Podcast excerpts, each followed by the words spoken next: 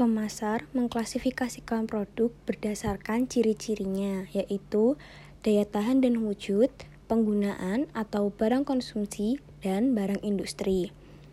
Pengklasifikasian berdasarkan daya tahan wujud ada tiga, yaitu pertama, barang tidak tahan lama adalah barang-barang yang berwujud dan biasanya dikonsumsi dalam satu atau beberapa kali pemakaian seperti sayuran dan buah-buahan.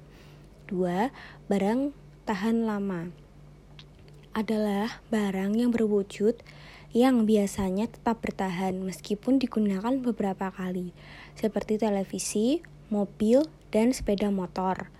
Dan yang ketiga ada jasa atau servis adalah produk-produk yang tidak berwujud, tidak terpisahkan dan mudah habis, seperti jasa transportasi, hotel, jasa konsultasi dokter, dan jasa potong rambut.